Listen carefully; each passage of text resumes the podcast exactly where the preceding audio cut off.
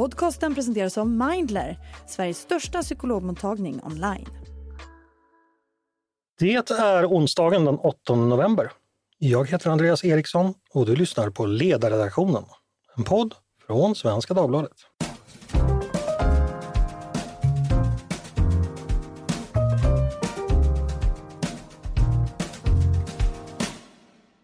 Varmt välkomna till oss igen. Tidigare i höst tillsatte regeringen en utredning som ska utreda ett förbud mot kusinäktenskap. Syftet med det är enligt regeringen att, som det heter, skapa en reglering som motverkar hedersförtryck och äktenskap som ingås till följd av påtryckningar eller annan påverkan. Och utredaren hon heter Anna Kuttenkoiler och är hovrättsråd och hon ska vara klar hösten 2024. Kusinäktenskap det är ju en fråga som på ganska kort tid blivit ganska omdiskuterad i Sverige. Om man frågade politiker eller tyckare eller opinionsbildare för tio år sedan hade de nog flesta betraktat det här som en total icke-fråga och få hade då nog reflekterat över ett förbud. Så vad är det då som har hänt? Varför har frågan nu lyfts fram som så viktig? Är den så viktig? Och vilka risker och nackdelar ser anhängarna av ett förbud med kusinäktenskap? Och vad ska man själv tycka i den här frågan? Det ska vi borra djupare i idag. Och då har jag med mig tre gäster, nämligen Juno Blom, riksdagsledamot för Liberalerna, ledamot av justitieutskottet. Varmt välkommen hit! Tack så hemskt mycket! Hanif Bali, tidigare riksdagsledamot för Moderaterna, numera kolumnist på Expressens ledarsida. Välkommen hit du också Hanif! Tackar! Och så Per Brinkemo, journalist och författare som skrivit om framförallt klansamhällen mycket. Varmt välkommen du också Per! Tack, tack! Hörrni, jag ska börja med en ganska enkel iakttagelse. Jag gjorde som jag ofta gör när jag researchar en fråga. Jag kollade i mediedatabasen Retriever. Den här gången på ordet kusingift och kusinäktenskap. Det dök upp sex gånger i svenska medier under hela 1990-talet. Lite oftare under 2000 och 2010-talet, men fortfarande något mycket ovanligt att skriva om. Fem eller tio gånger om året kanske, i snitt. Men så 2020 hände någonting och begreppet blev betydligt vanligare. Och bara hittills i år har svenska medier skrivit om kusin, kusinäktenskap över 130 gånger. Börja med dig Hanif. Varför är det så här? Är du inblandad i saken? ja, men ehm, det är alltså, för, när jag har researchat om kusinäktenskap i svensk mediekontext så, så hittar jag lite, en socialdemokratisk riksdagsledamot som eh, i mitten av 2000-talet tog upp det i riksdagen. Vi har eh, lite sån här pö om pö har det varit. Men, men, inte, men inte mycket? Det är väl inte, inte mycket. Och, eh, och, så jag vill inte säga att jag var först på något sätt. Det var jag verkligen inte. Men, men eh, jag började opinionsbilda ganska aggressivt om den här frågan efter att jag fick upp ögonen för det. Eh, jag kommer ihåg du och jag var, jag var nyfrälst, hade konsumerat hur mycket som böcker och forskningsrapporter om det här. Hanif pekar nu på Juno ska säga. Ja, jag och Juno var på samma seminarium hos, med GAP i Almedalen var det sommaren 2019 och Eh, eh, eller om det var 2018. Och sen så gjorde jag ett specialavsnitt om eh, kusinäktenskap i, i min podd God ton. Och sen därefter så fick det fötter lite tror jag. Och det började med motioner från Liberalerna, motioner i riksdagen, alltså från Liberalerna, Sverigedemokraterna. KDU motionerade till deras riksting. Moderaterna drog benen efter sig som vanligt. Um, och, eh, och sen var frågan på plats, lite mm. så. Juno, Liberalerna föreslog ett förbud mot kusingifte eh, våren 2021, tror jag det var. Mm. Eh, vad låg bakom det förslaget? Hur, hur hade processen gått där? Nej, men jag tror att det är lite som han är inne på, att det här är ju inte en fråga som det inte har funnits liksom ett engagemang i. Bara, det att, bara för att inte politiker, det är ju många frågor som politiker har svårt att ta i.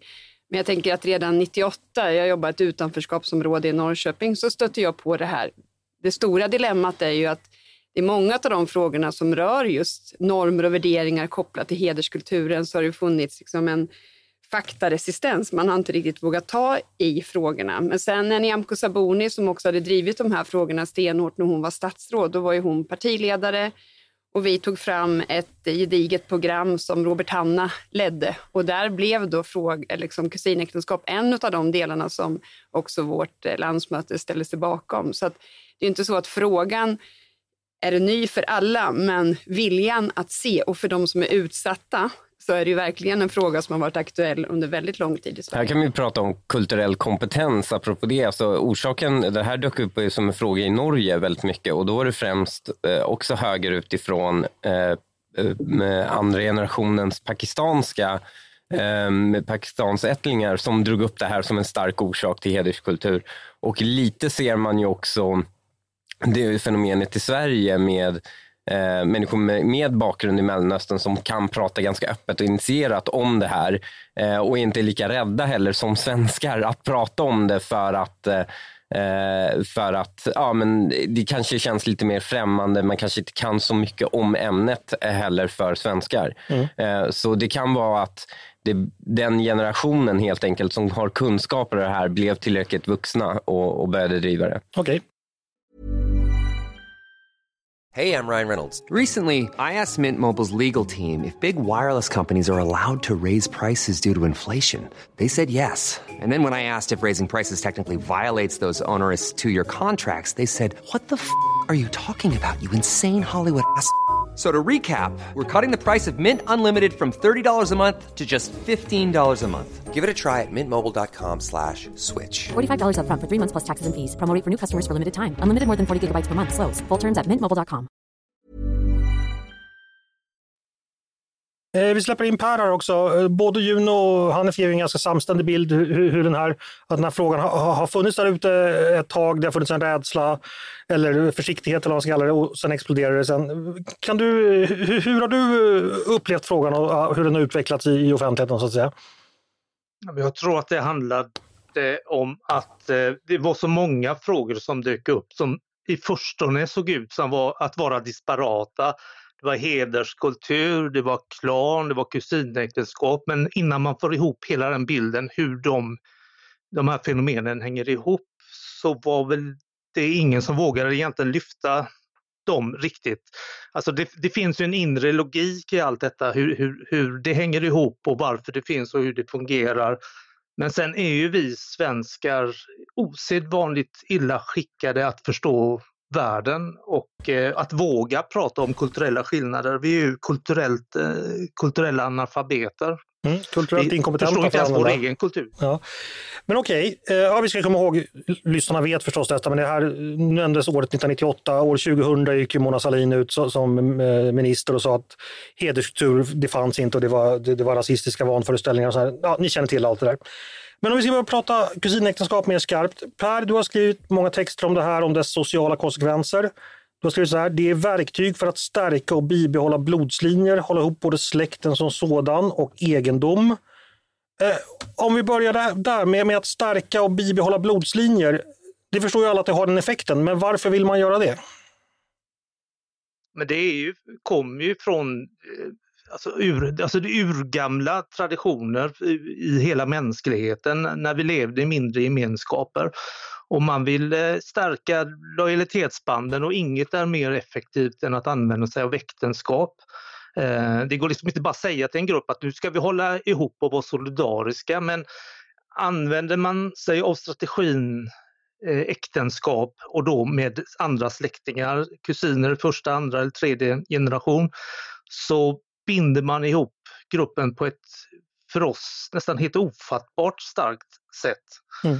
Sen har, sen har ju större gemenskaper växt fram och, och vi lever ju då under en nationalstat, ett, i sig ett mirakel att man kan få det att fungera. Och därför har vi kommit så långt bort från den här formen att vi inte riktigt kan tolka och förstå eh, vad det här är och att det fortfarande existerar i så oerhört hög utsträckning i Mellanöstern, Afghanistan och egentligen i de flesta av de länder varifrån människor har kommit som asylsökande.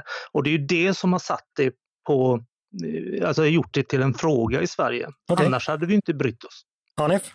Men um, om man tittar på uh, orsakssambanden däremellan så man ska veta att kausaliteten är lite omvänd. Alltså, vi i Sverige har man oftast pratat om att eh, de här blodsbanden klanerna och starka familjerna, det är någonting man måste ha när man har en svag stat. Eh, det är faktiskt omvänt. Det är nämligen att blodsbanden, de starka klanerna och så vidare är det som hindrar egentligen skapandet av en sammanhållen stat. För att du kan få ditt liv att funka om man är en om man är en klan till exempel, eh, om man är en, eh, en, en, en med blodsband håller ihop med ett hundratal personer. Du kan få en by att funka så. Men vad du inte kan göra är om du bryter sönder de här strukturerna så kan du inte som kärnfamilj få ditt liv att funka.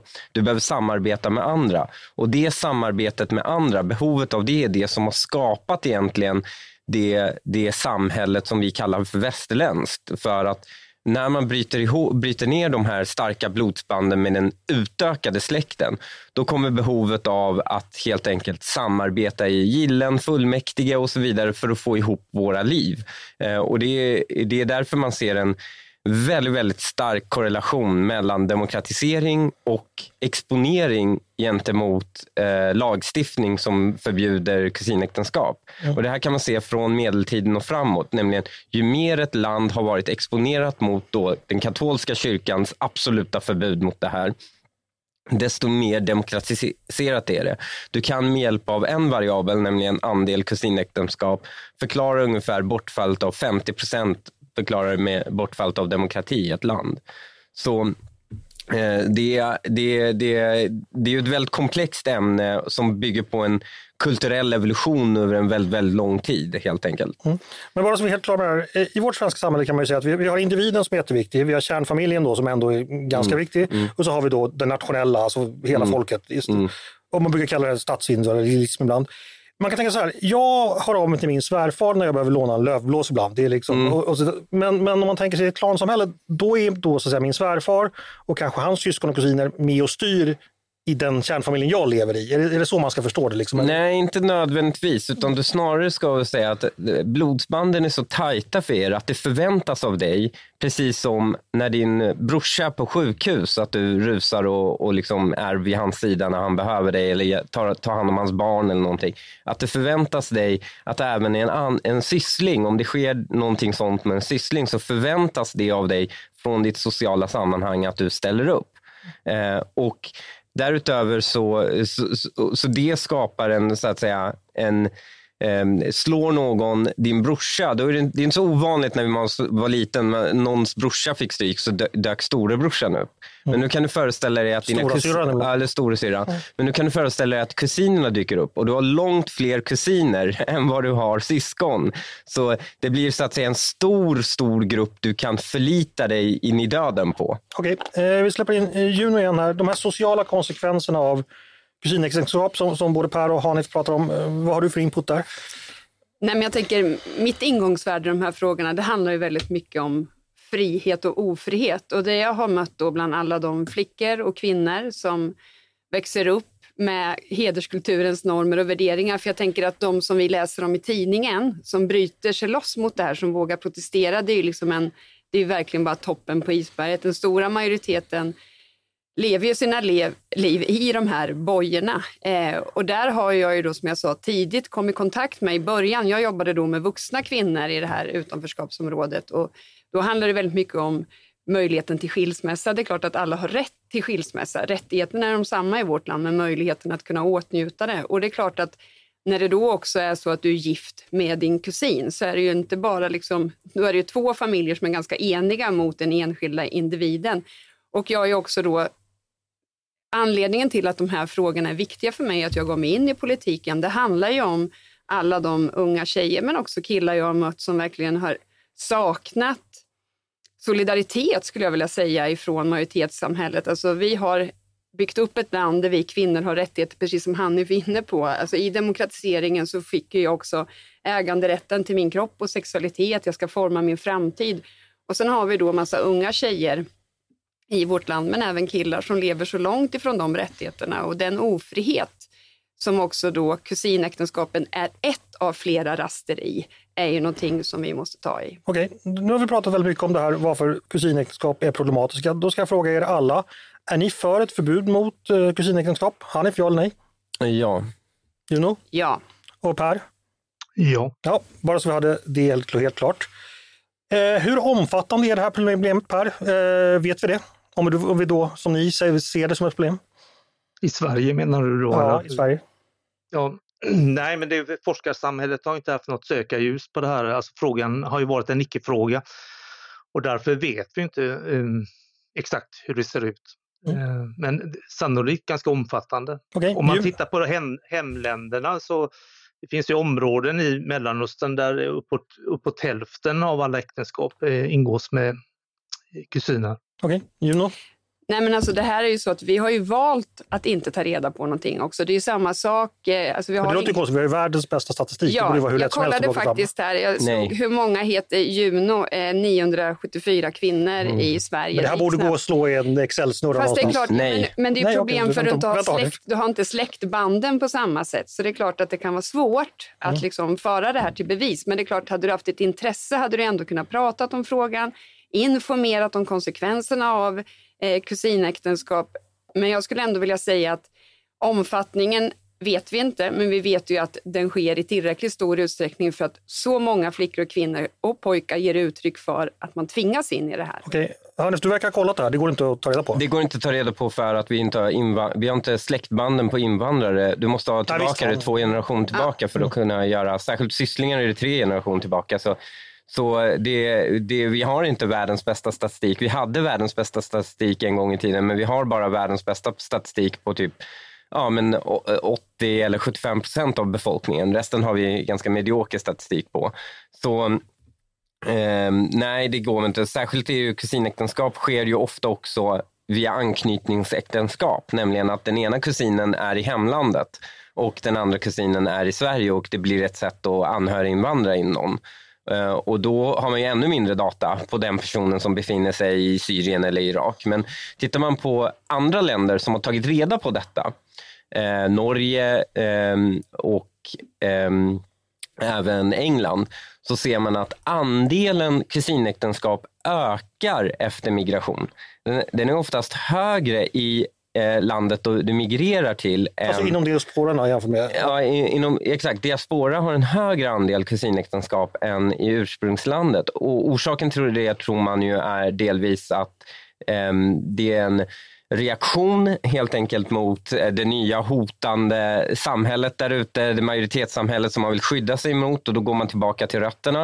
Eh, men också att det finns starka migrations eh, incitament till att göra det, nämligen att släkten sätter press. Här är ni ute i Sverige och har det så himla bra och här har vi en son som, som eh, behöver, är det något fel på vår son och vår familj och man vill helst inte starta någon allvarlig lång liksom, fade inom släkten och då kan det till och med vara så att föräldrarna pressas till kusinäktenskap. De blir pressade av släkten att gifta bort sin dotter.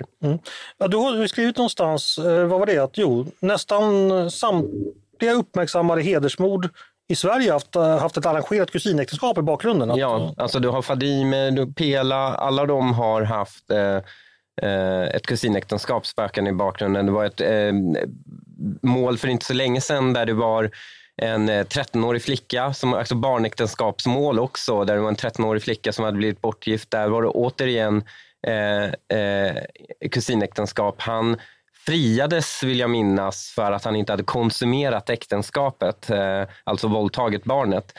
Eh, men, men men, eh, det, och det här var ju innan man hade gjort, man har gjort ganska många skärpningar på det här området, men man kommer inte ifrån, det sker ju väldigt, väldigt många kusinäktenskap och man har ju inte haft sökarljuset på det. Jag har ju väldigt mycket det, jag frågar ju ofta, särskilt när jag möter inskränkta människor, för människor som, det här är ju också man vet av psykologiskt data, människor som har kusinäktenskap eh, och idkar kusinäktenskap är mycket mer Eh, eh, inskränkta, mycket mindre individualistiska, mycket mer kollektivistiska, mycket mer eh, eh, liksom det finns massor av sådana här psykologiska tester man kan göra. Och man hittar det eh, across the board helt enkelt att, att du kan till och med förutspå din benägenhet som FN-diplomat att betala dina parkeringsböter i New York efter hur hög andel kusinäktenskap det är. Du kan, eh, och sånt. Så, så, så i, i den mån så, så är det en väldigt bra prediktor helt enkelt för vissa psykologiska fenomen. Och när jag, när jag frågar människor där ute så är det väldigt, väldigt Okej. vanligt.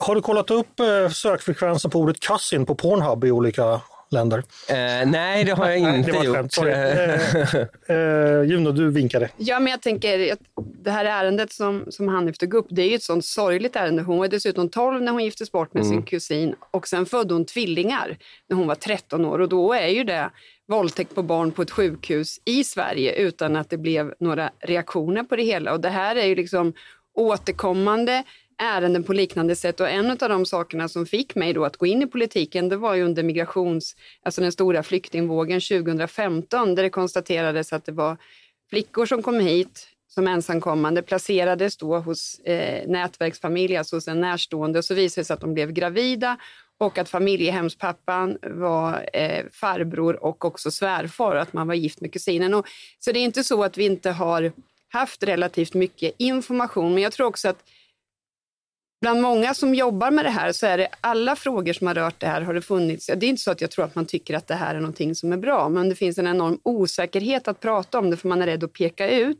Och där tänker jag att det är viktigt att hålla isär. Jag menar, jag har också mött många vuxna kvinnor som har varit i kusinäktenskap, unga tjejer som har varit i det och som känner sig Alltså de skäms och skuldbeläggs när liksom debatten kommer igång. Och det tror jag man alltid måste ha med. Att det är en sak att vara utsatt för det här. Att vara en av dem som har tvingats in i det. Ibland mot sin vilja, ibland för att normen bara säger att det ska vara så. Till att vi ändå måste våga prata om det och förändra och upplysa. Mm. Så släppa in Per här igen. Eh, nu pratar vi väldigt mycket om det, det som händer de enskilda och själva familjerna. Eh, jag läste också någonstans att du har skrivit att kusinäktenskap skapar då, i och med att det skapar sådana släktlojaliteter så hindrar det etableringen av liberala stater med rättssamhälle, likhet inför lagen och den tillit till främlingar som krävs moderna och demokratiska medborgarstater. Det, det är ju lite det Hanif var inne på. Men Per, k- kan du utveckla lite hur, hur illa är det så att säga för, för staten, för oss alla med, med kusinäktenskap? Det finns väldigt tydliga, eh, tydlig data på det att eh, andelen kusinäktenskap i ett land korrelerar med, med graden av korruption.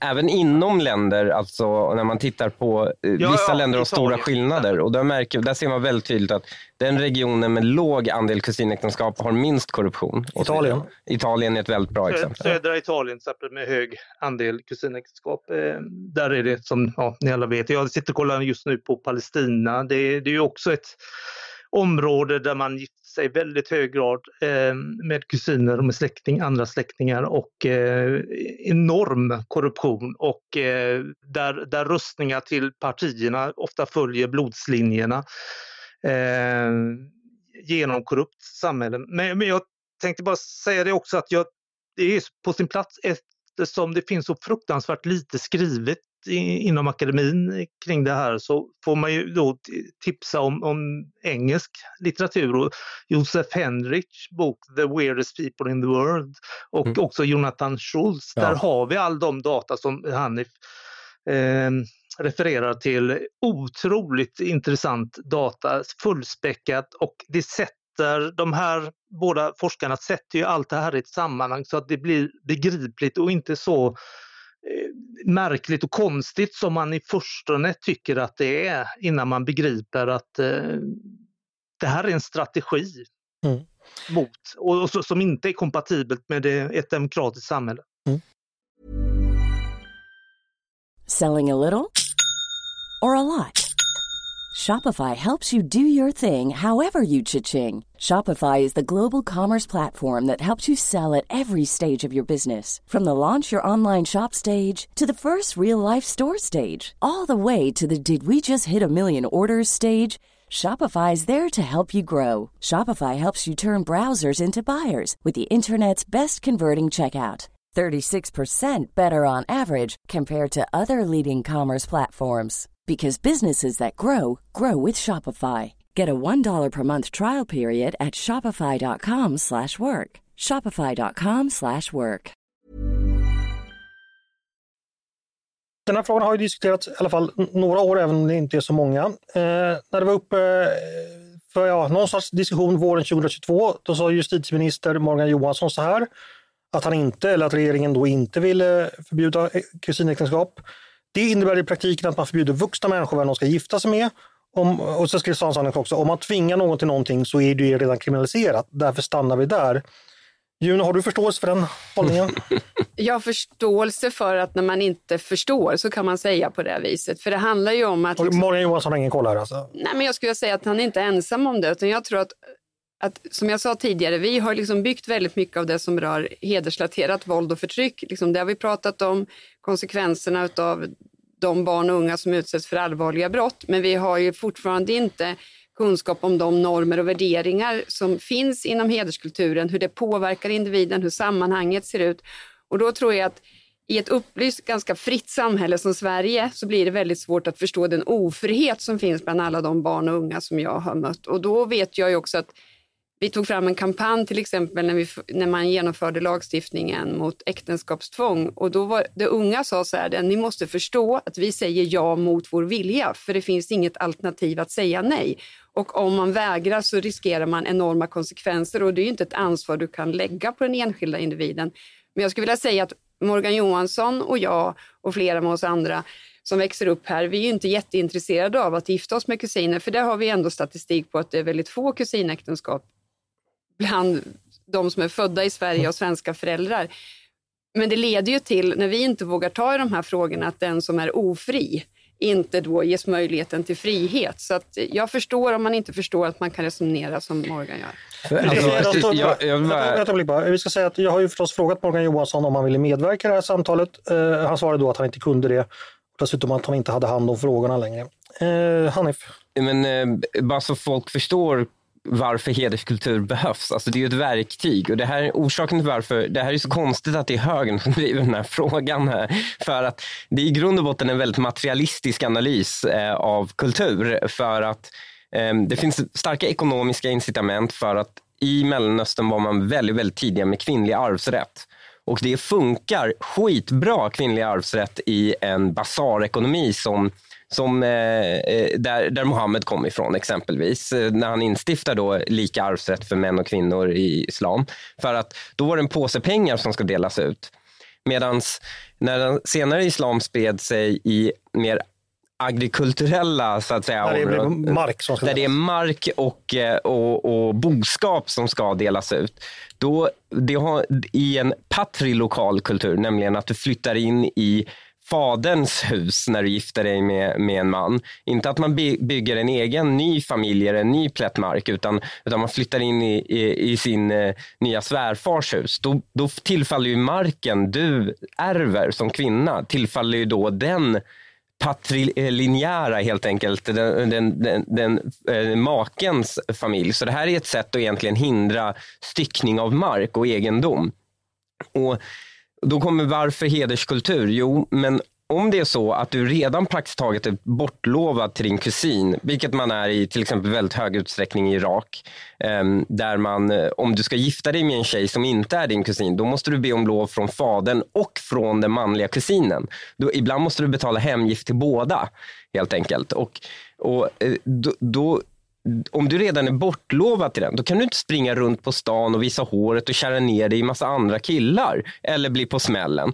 Utan då är det väldigt viktigt att kontrollera kvinnans sexualitet så att för att bibehålla helt enkelt ekonomisk, eh, en ekonomisk fördel. Och det här hittar man också familjer som idkar kusinäktenskap i de här områdena.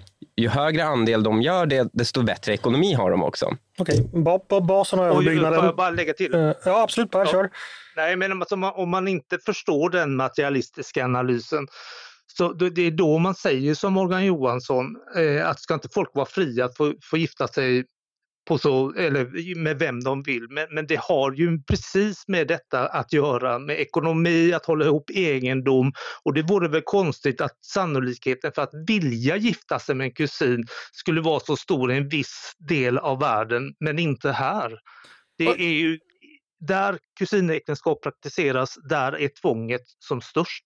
Marxistiska, marxistiska halvtimmen med Svenska Dagbladets ledarredaktion fortsätter. Juno, vad vill du bidra med till denna?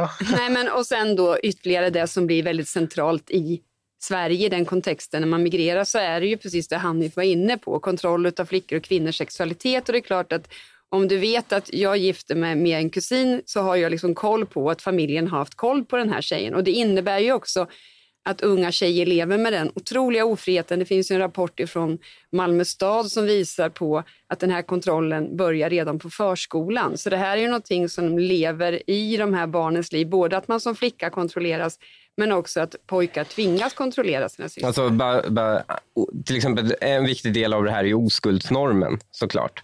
Och då finns det en undersökning från Uppsala Eh, där det visar att med utomnordisk bakgrund, vilket är ganska generellt, alltså utom, eh, det är inte utomeuropeisk utan utomnordisk bakgrund, så är det 66 procent av tjejerna som har oskuldskrav, eh, äh, 66 procent av tjejer med utomnordisk bakgrund har oskuldskrav på sig hemifrån. Motsvarande andel bland eh, inom nordisk bakgrund är 2 procent och då är det ändå Livets Ords Uppsala vi pratar om. Men Hanif, jag måste ändå fråga. Eh, jag då som kommer från norrländska släkter och är en mm. produkt av ganska många kusinäktenskap. Eh, ganska nära i släkten hade vi till och med mm. dubbelkusiner som gifte sig. Och det är läbbigt. Det är, läs, det är bara ordet dubbelkusiner är läskigt. Men, men deras barn gifte sig väl inte? Nej, men alltså ja. dubbelkusin är att man då är kusin på, på båda sidor. Så att ja, liksom. det, det, det, mm. det är hardcore, mm. så då förstår du varför jag ja, 10 procent av Afghanistan är alltså äktenskap mellan två dubbelkusiner. Ja, men frågan är så här, eh, om vi hade det här samhället i liksom Norrlands älvdalar på 1800-talet och mm. visst det finns lite sjukdomar som bara finns där och sådär, mm. men, men det utvecklas ju inte alls det här fruktansvärt destruktiva samhället som du beskriver ja, där riktigt. Väldigt bra.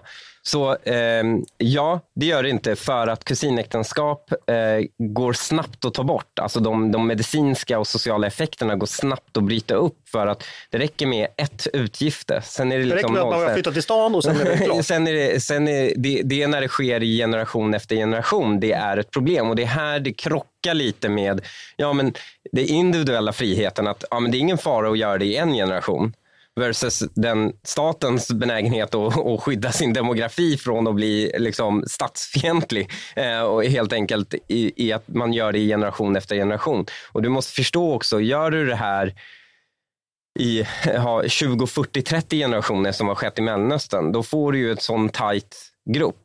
Men vi vet procentandelen i men Sverige. Det var inga klaner som utvecklades. Jo, men du hade ättefejder i Sverige en gång i tiden och sånt också. Men du, du ska veta, före 1850 i Sverige så var kusinäktenskap kriminaliserat. det och det stack ju upp till 2% typ åren efter. Och på 1800-talet blev det lite trendigt att göra det. För förut sysslade bara adeln och kungasläkterna som är inskränkta och ganska och, och, och, klaniga och liksom eftertänkande och blodsfejdande.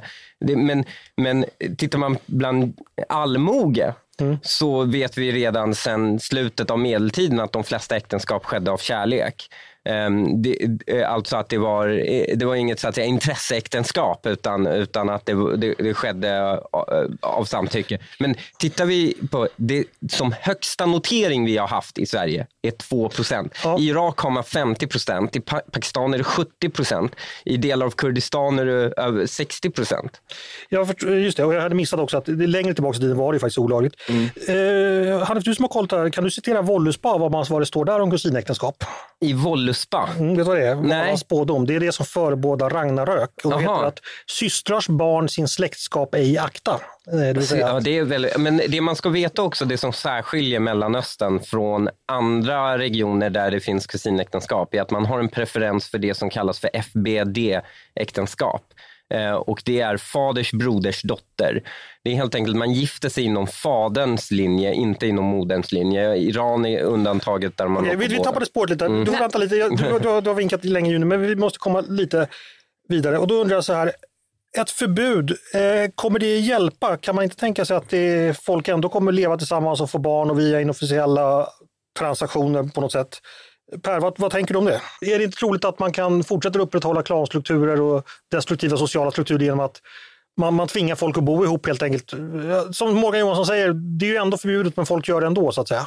Eller vilka, förbud, vilka förhoppningar det, ska vi ha för ett förbud? Det, det som gör det knepigt är, är ju för det första att vi inte vet vilka som är släkt med varandra. Vi har ju inte de registren så att jag, vet, jag, jag har inte hunnit tänka klart riktigt där kring hur man ska gå tillväga. Ehm, I och med att det är så att man gifter sig ofta med någon från det forna hemlandet och vi har inte koll på dem. Ehm, men det är klart att det måste kunna gå att upprätta eh, register och, och DNA-tester och sådär. Juno, vilka, för, vilka förhoppningar har du på ett förbud? Nej, men jag tror att det är klart att det behöver alltid göras mycket mer, men om man utgår ifrån när man jag satt med i utredningen och, och, såg på det här med barnäktenskapsbrott och då var det ju många som sa på liknande sätt att det kommer att ske via informella äktenskap, de kommer ändå bo ihop och så vidare. Men jag kan ju ändå säga att effekten av det här är ju att det finns familjer som Hanni var inne på tidigare där det finns en press ifrån omgivningen, från släkten, från andra att det här ska ske. Finns det då en tydlig lagstiftning så finns det i varje fall en möjlighet. Jag skulle dessutom vilja säga att det viktigaste kopplat till eh, liksom då att utreda ett förbud mot kusinäktenskap, det är ju information. Och där har vi också saknat. Jag var tvungen att söka på Socialstyrelsen idag för att jag läste någon artikel om att de skulle ha information. Jag ringde till och med dit och det är ju liksom noll träffar om man slår på vad händer om jag gifter mig med en kusin, kusinäktenskap. Och då tror jag att kopplat till det här så måste vi eh, även ha en tydlig information. Och du sa om det här med med Älvdalen tror jag det var, men min pappa är från Jämtland. Det är klart, det har ju förekommit. Då är du och jag släkt. Ja, kusinäktenskap och liksom inom släkten. Men det som hände och som även min farmor fick uppleva, det var ju att hon fick träffa, i det här fallet, Elise Ottosen Jensen. Alltså det fanns ju kvinnor för 70-80 år sedan som trots ett förbud mot sexualupplysning och preventivmedel hade kraften och modet, stod upp för de här kvinnorna på landsbygden som inte hade möjligheter. Och det är ju en del utav att vi har stärkt kvinnans individuella fri och rättigheter och barnen. Så att det arbetet behöver ju ske återigen eftersom i förorterna så saknas det ju en tydlighet, någon som backar upp det här och den information som krävs. Det spännande är att medan vi i Sverige dividerar om det här och Morgan Johansson vet inte så Gulfländerna och Saudiarabien har ju just nu en Dessa ganska... föregångsländer. Ja, men I det här fallet ja. Eh, och även i Israel så har man nu ganska intensiva kampanjer för att eh, där tittar man mer på de medicinska riskerna med kusinäktenskap som är väldigt höga när du, gör det i, i, när du tittar på recessiva sjukdomar och även sällsynta diagnoser som inte är så sällsynta där. Eh, och det man har gjort i Qatar till exempel, på tio år har man ju mer än eh, halverat antalet ehm, eh, de här eh, sällsynta diagnoserna. I Israel har man nu efter ungefär 10-15 års kampanjande nu eh, är man nere praktiskt taget utrotat väldigt många av de här sällsynta sjukdomarna. Ehm, och det har man gjort genom att när, genom att informera om de medicinska riskerna, införa medicinsk screening på förhand mellan folk som vill gifta sig med sin kusin.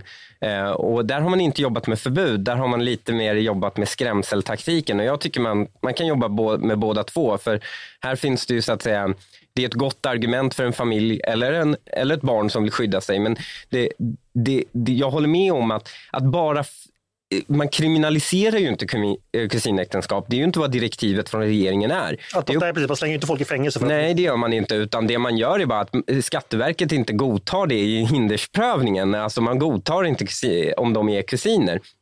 Vilket jag tycker är alltför svagt. Ehm, själv, jag tycker man borde ha en kriminalisering av medhjälp till kusinäktenskap. Vilket gör att um, vad som sker är att om du är delaktig och arrangerar ett äktenskap mellan en kusin eller inte. Alldeles oavsett om det var samtycke eller någonting så borde det vara kriminaliserat. Och det förenklar åklagarnas arbete väldigt mycket. För det här förbudet som finns mot äktenskapstvång, det stora kruxet för åklagarna är att bevisa att samtycke inte fanns när de gifte sig i Syrien.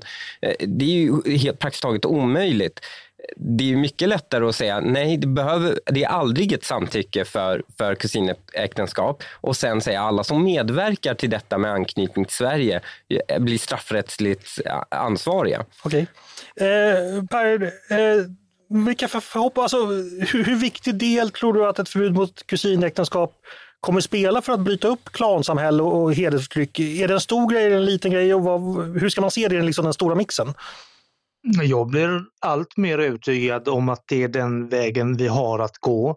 Det är ett så pass stort bekymmer. Jag tycker också det är intressant det du lyfter Hanif, att, att, att, att Saudiarabien, eller Mellanöstern och Israel, kur, judar från Kurdistan har väldigt hög andel men det är en massiv kampanj. Man måste skapa en norm om att det här inte är, det är inte eh, vettigt helt enkelt. Um, och, men, och här är också, jag vill säga, västerländsk forskning är eh, en bov i dramat här. För det är den enda forskningen som finns, det mycket av den medicinska forskningen som finns om det här, är gjorda på hel, så att säga, västerländska populationer. Och där finner man att risken, eh, det är för, viss förhöjd risk för vissa sjukdomar med kusinäktenskap. Men den är praktiskt taget negligerbar när det sker i en generation. Och Det här citeras då av populationer i Mellanöstern och säger titta det finns inget farligt med det. Men den forskning som den lilla forskningen som finns på populationer i Mellanöstern, där man har gjort det här i flera generationer, visar att risken är gigantisk, mycket större. Och just den här blindheten, oförmågan att särskilja och, och rädslan för att känna att man pekar ut skapar alltså enormt mycket lidande bland svårt, svårt sjuka barn. Alltså vi pratar i, i, i Norge tittar man på en barnadödlighet som var 33 gånger högre bland, eh, bland eh, pakistanier som, som fick barn när de var kusiner. Alltså vi pratar om eh, recessiva eh, genetiska sjukdomar som det inte finns något botemedel för där där 100 procent av de som får den här diagnosen och den här sjukdomen kommer från eh, Mellanöstern. Mm. Det, det, är liksom enormt mänskligt lidande. Bara detta att en debatt om det här eh, har vi fått människor som finns i min närhet som är gifta med kusiner som säger att jag borde verkligen aldrig ha gjort det. Alltså de är rädda därför att frågan lyfts. Det finns genetiska eh, problem eller kan leda till enorma skador på sikt. För de kommer från sådana länder som har, där det har praktiserats i generationer och en, en av dem jag känner, de har ju också ett barn då som är drabbat vad tråkigt av effekten av ett sådant äktenskap. Ja, mycket tråkigt. Eh, vi ska snart ta oss ihop där. Jag ska bara ställa en fråga till, till Juno från en liberal till en annan. Eh, vad det här innebär är ju en inskränkning som Morgan Johansson säger. Jag hatar att citera honom, men det är ju en inskränkning av vuxna människors rätt att bestämma över sina liv.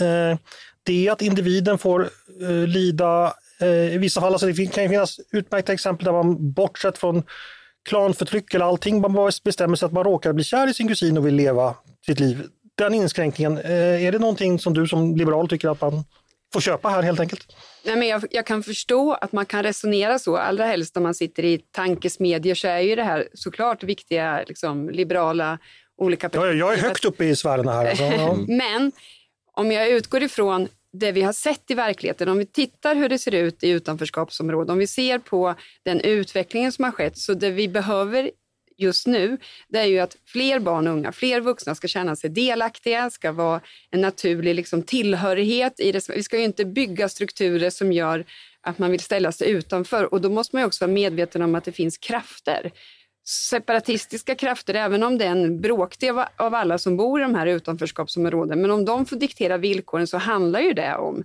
att man inte ska vara en naturlig, att barn och unga inte ska få tillgång till sin grundläggande liksom, fri och rättigheter. Och då menar jag att som liberal så måste man ju alltid finnas där ofriheten är som störst. Och då är det ju så att i vissa lägen är det genom staten som frihet uppnås. Och i andra lägen så ska staten hålla sig liksom hur långt som helst ifrån individen. Så för mig handlar det om alla de ofria, utsatta och maktlösa barn och unga jag träffat, men också vuxna som av olika skäl har tvingats in i det här. Och det här är ju en pusselbit bland väldigt många. För er som inte pratar liberalpartistiska så sa Juno så här att eh, hör du Timbrokillen, eh, ut i verkligheten, eh, allt är inte så svart eller vitt som du tror.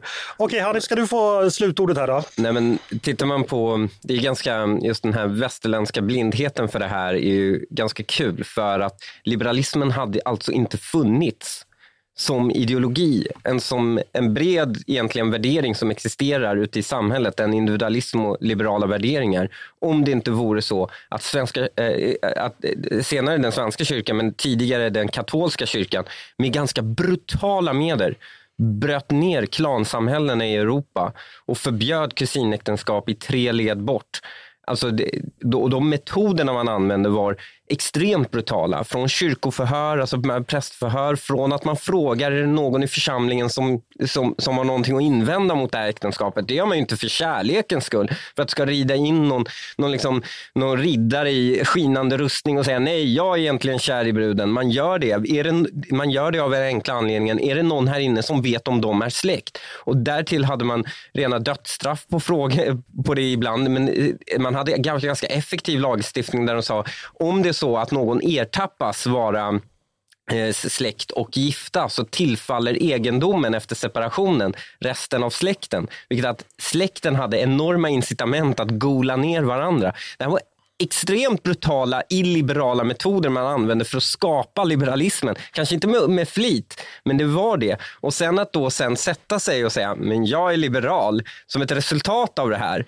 Eh, och säga, nej men det kan vi inte göra om. Men varför vill du inte att fler då, eh, populationer, fler ska få göra den resa, den psykologiska, grupppsykologiska, kulturella evolution som, som, som, som, som din population har gjort? You never suspect the Spanish Inquisition. Eh, sista frågan. Juno, nu ligger det här utredningen, ska vara klar nästa höst. När kan det här bli lag, tror man? Det är som allting, alltså det är svårt att säga. Det ska ju, utredningen kommer och sen ska det ut på remiss och så vidare. Men det jag tycker är viktigt som vi kan liksom börja med redan nu, det handlar just om den här informationsdelen. Jag tror att det handlar väldigt mycket om hur vi pratar om de här frågorna, att man, precis som Hanif är inne på, hur skapar vi förutsättningar? Att fler barn och unga som kommer hit inte ska gå med en känsla i kroppen, att de vet att rättigheter finns men de har inte möjligheten att åtnjuta dem. Alltså den orättvisan gör någonting med barn och unga. Så jag tänker, i avvaktan på det här så måste vi ändå bli mycket, mycket bättre på att våga ta ställning för, för den ofrihet och utsatthet som finns, som jag tycker saknas många gånger. Stort tack för detta. Eh, och därmed säger jag stort tack till Juno Blom, Per Brinkemo och Hanif Bali för att ni gästade mig idag. Tack så mycket. Tack så mycket. Tack. Tack. Och tack också till er som har lyssnat förstås på dagens avsnitt av Ledarredaktionen. En podd från Svenska Dagbladet. Ni är varmt välkomna att höra av er till redaktionen med tankar och synpunkter på det vi har precis diskuterat. Men också om det är så att ni har idéer och förslag på det vi ska ta upp i framtiden. Då är det bara att mejla till ledarsidan snabla svd.se. Dagens producent, han heter som vanligt Jesper Sandström själv heter jag precis som vanligt Andreas Eriksson och hoppas som vanligt att vi hörs snart igen.